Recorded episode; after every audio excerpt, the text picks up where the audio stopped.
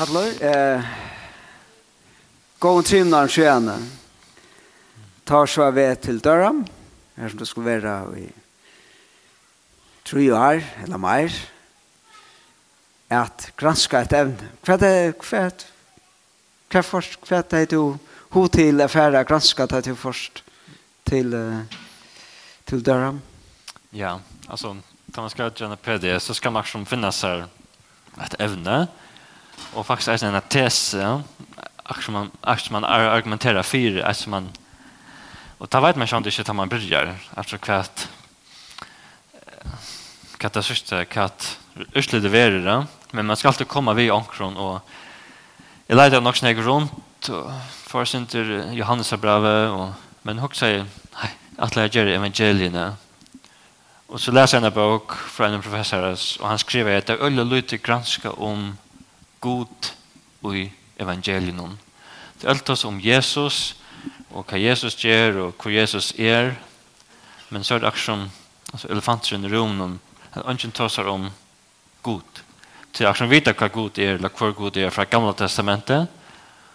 Og hadde vært akkurat som en, et evne som var løyte gransk, altså generelt, og i Gamla og i Testamentet, og Så utifrån här så får jag också om Marskos och, och faktiskt ämnet som mer vara god och i Marskos. Och det är också här som vi börjar. Ja.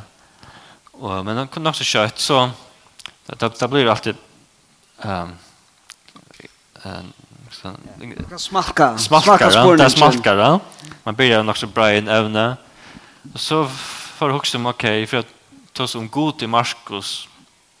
Okej, okay, alltså pratar det gamla smente, men så får vi första hooks om te verserna här som god faktiskt ger akkurst i Markus evangelium. Och det tvärför är god att som bröder in i narrativet och i sövna och det bara tvärför och här är det så dop någon till Jesus och ta Jesus ombröder sig fjällen om här, Jesus, här god säger vi Jesus to ert sonen min hin älskar och det är det enaste för god att som faktisk kommer och ger akkurat. Och så kan man ganska argumentera för opprestene, men det ständer inte att Gud kom och reste Jesus upp från en dag. Men så tar faktiskt faktisk tar teksten i be att det ikke er et. Ja, det är nog så avvärst. Så det är en av sfærene god väler. og god sier i marska evangelien, jeg bråd det in og sier. Så det å att at jeg elsker. Ja. Yeah tur son moin og elste. Og i bauen før er det eisne faktisk et sitat, han uh, har nok lest sitat fra Gamla Testamentet. Så god han tåser eisne vi og i tjøknon Gamla Testamentet. Og um, ja, men det er bare tverfyr er som god. Og så Jøknon tann vinklen for jeg hitje etter, ok, hvor er god? Ok, han er det som skriver Jesus, to er sånne min. Hmm. Og så tar vi si at god er han som er feir Jesus er. Ja. Og for hittet etter god i marskere, så kan du ikke holde tar personene sjunter. Og, men så det hever en, hva er det nå? Altså, også for at det til gamle testamentet, altså, her er siteret god er ein, og derfor er det tås om den samme goden. Og det er det som er helt verst, eller at det var ikke, det er en kyrkje eller en, en person i kyrkjøvene som er att uh, Marcion, heter Markion, der han säger, han säger att den gode gamla sventet till en annan god. Och god som uppenbarar och Jesus i Nya testamentet till en helt annan. Det er ikke den samme. Men Markus han han för ikke så länge. Han säger jo hette den samme godren och hette gamla testamentet heter er um, han citerar från gamla testamentet Jesus siterer det er god er ein, så heter den samme god, det er ikke en annen god, men allikevel så får vi det vite akkurat nytt om god, at god oppenberer seg selv sjølvan ui og i jøgnen Jesus, som er sånne gods. Hva er avlengar det her? Hva er tøtning er det for åkken at ta i god oppenberer seg, så oppenberer han seg som fægeren til Jesu Kristus som han er så intimt tenkt rett at hun sier at ja, ja altså ja, det synes jeg taffert at det selv selv til det til versen er kanskje mest og som som er doperen til Jesus sen det himmelen vil skratte sunter og rødt kjem fra himmelen til sonen og en ante dela ned altså hvordan kan det akkurat det kör som händer dagligt. Så att du lever inte Jesus alltså helt inte chocken. Så kus jag som tolkar man en sån text och gör den praktisk kan. Det vet jag inte ordentligt men det som det första till att det är alltså det är en, en sannleik till att det sier dere hvor god er. At god er altså, feir Jesus er, Men som Jekvann sier i morgen at til vit eisene, vit er kommet inn i hata samfunnet som, som var i middelen god og Jesus, vit er akkurat kommet inn i det samfunnet og vi tar eisen et samfunnet vi god og få sånne kår uh, tja gode. Så det er sånn teologiske sannleikar som kommer fram i hessen teksten om. Ganske heldre enn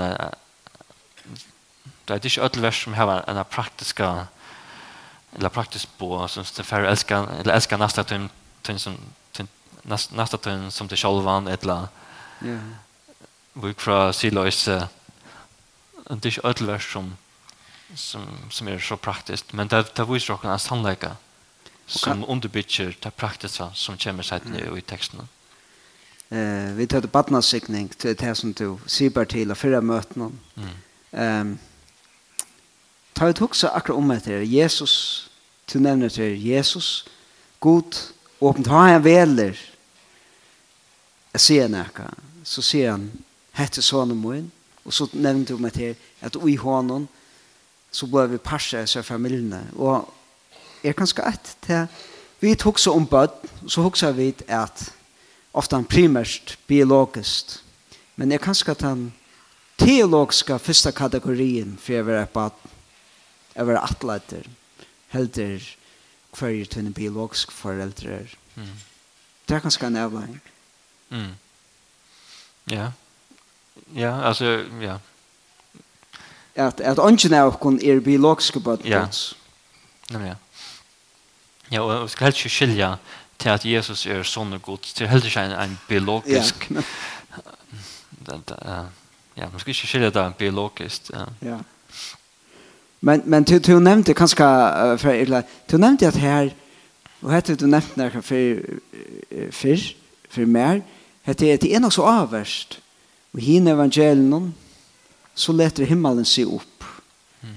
Det sant rätt fast. Himmelen är men i mars evangelion tar Jesus blod dotter så sender att han skrattnar. Det var en ekvisligare år. Kvitt här. Jeg tar tyvärr så jag vet ikke i Victor Chatoying, vad jag lugst til Vidal. Det alltid han brukar åpne øtlen för evangelien. Men faktiskt det griska, här ständer att himmelen vil skratte sunter och inte bara öppnas. Det är en en en ekvislera henting. Och men det som er intressant i Markus till året att skrevet sunter. Alltså det kommer för fire och i Markus evangelien. Mm Og til byrjan her, at himmelen vil skratte sunter, og det er sånne moen, og så i endan evangelien, her Jesus hongra krossen, og her er en, han her er med ham som sier, sannelig hesen var sånne gods, og så stender det forhenge i tempelen, overs fra og nyer, det ble skratt sånter. Så det hever, um, det kallet en inklusio, at, at, at fra byrjan og at endan, at vi hever kanskje et spekkel, at det er god som bor i himmelen og god som bor inne i tempelen, at det er skratt, det er sunt, at vi får en ekkant inn til nærvare Guds. Til er tempelet, det var det forrens, det var fra fore fire erkant til, altså inn til god Det god Gud var heilaver, og han, han tåler ikke synd, og han, nu er akkurat det, det er skratt sunt, og han, jeg tror at Markus, han brukar til årene øyne bevust. Og det er eisen ikke bare til, bare til og eisen at Jesus er sånne gods, det kommer bavon, bavon pørsten. Det, det er nok så avverst. Altså, mm. hvis, uh, hvis jeg da mynden er av at jeg skrattner, mm. til akkurat som ramman, mm. for alle disse søvnene, mm. Så, to, to, så i enda noen, byrjan noen høyre du etter, at himmelen skrattnar. Mm. Og, og tan god som annars ikke satt der akkurat som som er hinemenna mm. kjem nyer eller hans er rødt oppenberast. Mm. Ja, og det som er interessant er eisen det Jeg får høre at det er motiven om at, at himmelen vil skratte sånt der, altså ta så at eisen at det er gamle testamentet, at her er et vers som vi sier oss en uh, foretrus 8, her byr Isaias profeten og hei to levja fyrste dagsmann et brot som tåser om hva god hever gjørst og fyrretøyne Han tåser om Sinai, hva god hever lagt feltja utjøknen ut av Egyptalandet, vi heller i andre sønnen, og hvordan de hadde givet andre god sorg. Men nå er til standa der framme for en støv vi har til å være kort utleggt. til at å er langt kort utleggt. Eller han var nær til, akkurat nær det å men men her byr han å god, hei du ikke vilja skratt himmelen sunter og komme nyer. Og ta Markus brukar henne sette samme året, så så, så for meg så tycks det at han heter akkurat som en attesfär på fatta bønene som Isaiah sier. Hei, du ikke vilja skratt. Himmelen sunter og komme nyer. Og så i Markus, jo, himmelen vil skratt og sunter, Og Jesus, helt fra byrjan av vers 9, 11, vil åpenbære over oss soner gods. Og anden kommer av han. Og så hever du Jesus som kunngjør evangeliet, rujtje gods er kommet nær. Og så, mot endan, så vil han krossfester. Og for en tempelen er skratt sånt. Så Isaias, så Isaias er en av større i synartøy, her som mm. Israel vegna synd, tvast, hever mist samfellet vi god, og smakkar tar barske avlæringarnir av, av det vent god bætje, og god vente time og bætje. Mm -hmm. som, ja. Ja, og er, er, er det som mynden er at, at nu nu huxar minnes Isaias hur så gott det var till samfället var vi god och, och, och, och, och han säger skräv nu kom, kom och frälsa oss natter kom och vär som tog ena för vars mittel någon eller kvätt så han tar som han tog tog alltså tempel ligger i öja att det här som Guds bostad är templet ligger öja till knust. Och så huxar han att om faktiskt långt än ikke bare til Salomon, men helt atter til, til Sinai, da Gud kom sjølver nere av fjallene, og her var tårer slotter og fjallet rystest, så hei du ikke vilja komme nere og åpenbæra til atter. Mm. Og jeg synes det som er nok så sant, det er sjalt om Jesus kommer som er svære på et her, men allukal er det ikke det samme. Han kommer ikke vid tårer og hjertsolta og det gjør rasselig til folk. Men uh, så han kommer, og... Som han er mjuker, galileere. Ja, ja, og han, han pratkar rujtje gods, ja. og tar som øttast til dæmoner, og til faktisk Satan sjálfur som fer at øttast. Så det som Markus byrjar langt vi evangelien, at han han frelsan som falt boi etter alla tøyna. Mm. Nu byrjar hon. Mm. Ta ta ta god skrejer. Nu händer det här som Isaias bär efter. Mm. Ja. Jag som Markus säger kunna börja evangeliet på näkvar imskramater. Han, han vet, alltså vi läser långt evangelien så vi tycker vi att han vet forskjellige ting om familjen av Jesus, om, om brødene og mamma og herre, men han börjar ikke vid tog. Han börjar vid en citate ur gamla sementet. Och det är helt bevisst. Alltså, det är inte att han att han börjar visa här Evangeliet uppham evangeliums Jesu Krist, son av Guds som, som skriver där i Isaias profete. Och så, så kommer faktiskt först ett citat från Malakia som tar om att Gud själv ska komma. Och i Malakias tror jag så ständigt det att, att det är Gud själv som säger jeg skal sende en båbæra altså fire med er sjolvene og når jeg kommer så skal en båbæra komme. Men ta i Matteus eller ta Marskos siterer det ta er det lysende brøyt og ta sender at jeg sender en båbæra fire tær. Og ta en tog som han tar seg ved til Jesus og båbæren er Johannes. Så han som er god som kommer i Matteus nei, så, ja, og i, og i Malakias Og det er tolka til at det faktisk Jesus selv som kommer som en, om, um, som en oppfølging av at du er um, profetien om. Ter, ter og haver så, så at med en vär vær at Gud skulle skrive himmelen og Gud selv skulle komme ned så sier evangeliet ja, og han kom og han kom i Hesum, människan menneskene om Jesus. Ja, ja kanskje på en en måte som man ikke har vant på, eller vant av. Yeah. Um, a surprising, um, hva skal man si, uh, mm, iraskande, ja, yeah. en iraskande måte. Uh, altså, de låser skriften her, og, og de visste noen ting, men de visste ikke akkurat hvordan det før var oppfylt. Mm. Og det ble ofte oppfylt på en, en i raskande måte.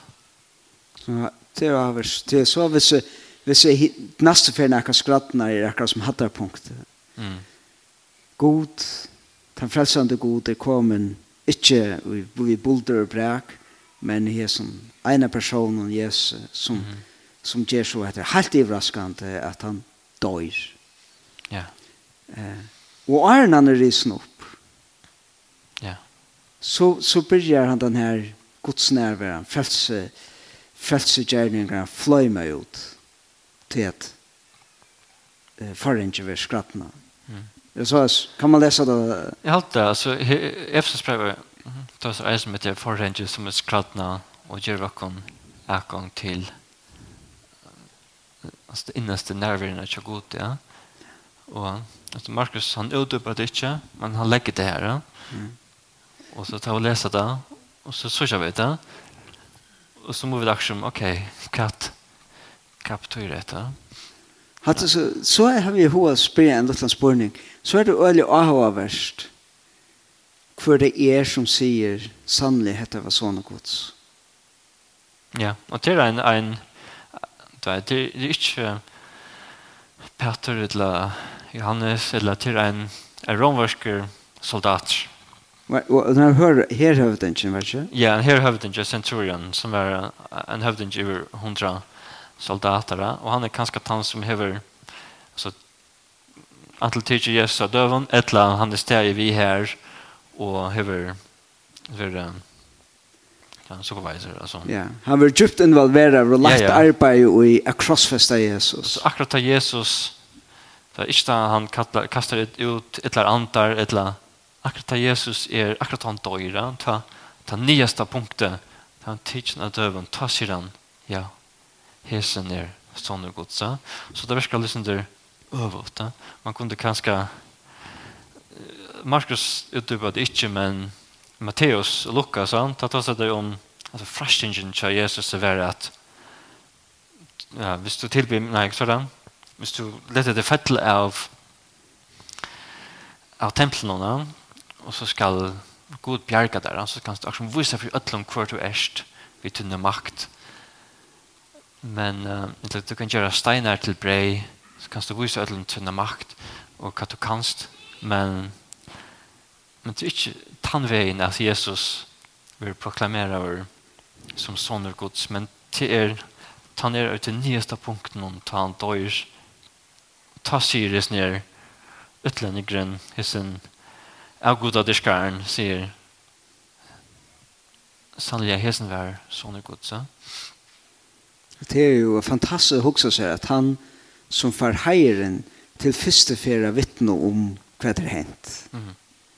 Det er ikke det mest heilige, men det er faktisk han som, jeg vet ikke om han steg selv vi her, men det er han kanskje ikke, men han er jo hvordan vi tog i arbeidet og slå naglene inn i. Mm. Ja. Jo, han er stittler det her, til å holde vakt, eller ja. som, som man parser av til romerske hervalden som ja som finner ju alltså till arbete till att till att att ta Jesus av dövna av krossfästa och han är till allt det kan inte hända och man kunde alltså man kunde ganska sagt okej okay, man kunde ganska sannolikt hesen var inte sån gods till några dagar mm. men drar över det har varit sån gods akkurat Och där får man uppenbara för den akkurat han då är det. Mm.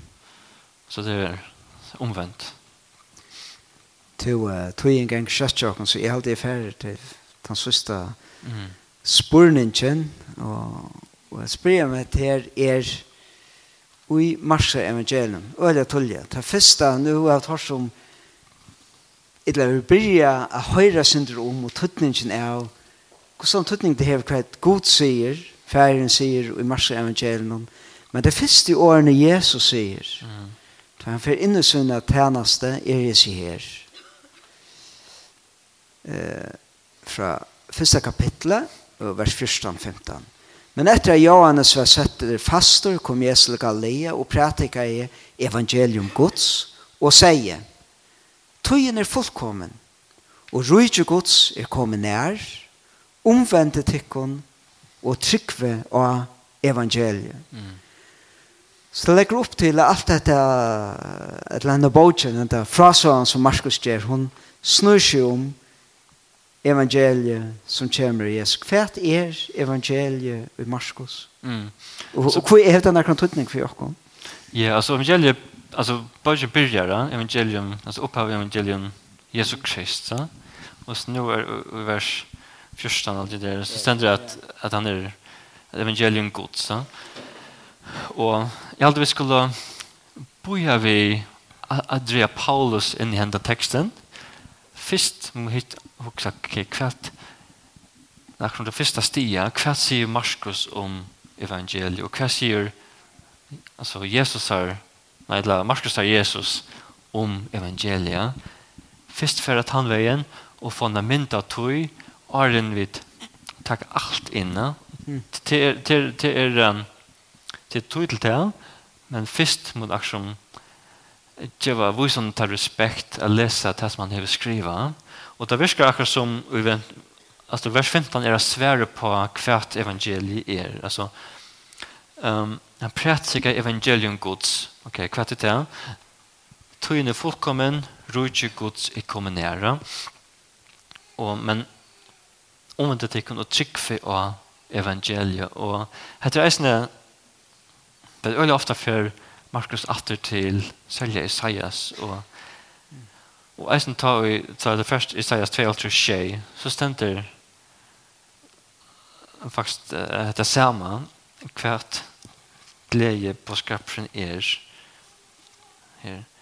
Hvordan indeslige er ikke føttene av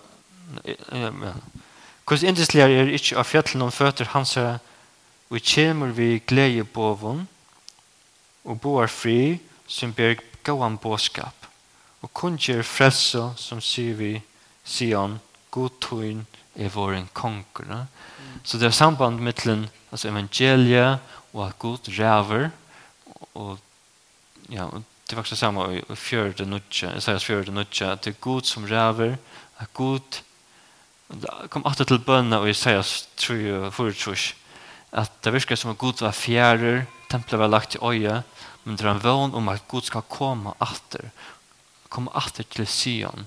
Og, og det er faktisk det som Isaias sier, at Gud, han skal komme åter, han skal komme, og han skal være nærværende. Og, og da Markus skriver om evangeliet, da skriver han eisen om at Gud er kommet nær, god er kommet atter og i, og i Kristus og Jesus og Kristus er Messias den sal salvaje kongren uh, og i rujtje gods og til det som den gode påskaperen og her at så at det er hent nu og så sett nu kan vi takka det som Paulus sier og det som Lukas sier og hebrea brev og lese det i samband vi hetta. Men hetta er aksjon røtten tja, tja Markus at glede bådskapen er at god er kommet som er uh, ui sånne sønnen Jesus Kristi uh, som Messias og han kommer at roa og som oppfyllelse av profetinen og Isaias og det tror jeg at at det altså du må han kastar ut og satan vil bunten til at det er Kristus som, som ræver. Kvært uh, vi svit er teg som ikke attaka jottanna til det store synderen som vært han romerske her i mævren til okkom og sier sannlig at det var sånne gods. Hva merker det så for okkom hvis at, at hvis du sier at evangeliet Marskos er nyrstunden, at det er Jesus, at frelse Guds kjemer, til at det er Jesus er god, kjemer vi rujtjesvinnen som konger av råa. Mm. Hva er mest det som fyrir at, at jeg vet, uh, jotta saman vi, vi her i mannen, hva skulle det avvarskakra liv? Mm. Ja, altså vi, vi er parster av og faktisk avvist nere at god, uh, Jesus er Messias, han er konkurren. vi tverre så falskja Det som trykker av Messias og men så, altså, Jesus har nekva lærer om hvordan man lever i rujtje gods mm. elskar nasta tøyn som til sjolvan og her nok snakk uh, bare på eisen ja mm. Og så jeg trykker var Jesus som Messias, som son Guds, og til, til jeg trykker var evangeliet, jeg fyllt mm. Markus. Mm. Og så kommer det hva det betyr at, at livet da, mm. til daglig. Ja. Så fører vi til Onivers og i Markus. Ja. Jeg leter etter hvem vi er. Mm Jesus visste jo. Mm. Jeg halte Jeg vet ikke klokken er blitt natt. Jeg vet inte at uh, lägga trät var mitt. Nei, Nej, aldrig. Tusen takk for at du detta var og med till avvärst og et kjent jeg har. Vi färra enda løtene i det. Vi er är att synsja. Ja og kanskje bli en liten bøn og arm vi synger sammen. Fær takk for henda morgenen. Jeg takk deg for at du sværer i Isaias og reiv himmelen sunder kom ned til okkara og Jesu og jeg takk deg for at det var ikke det mest heilige Men kanskje den største synderen i scenen her i mauren som gjøtta deg at du var sånne gods og at han hatt signalera i at nu var hentan frelsan og hentan frelsan med igjen at han nærvera tog inn vi byrja flåta ut til öll jeg ber deg om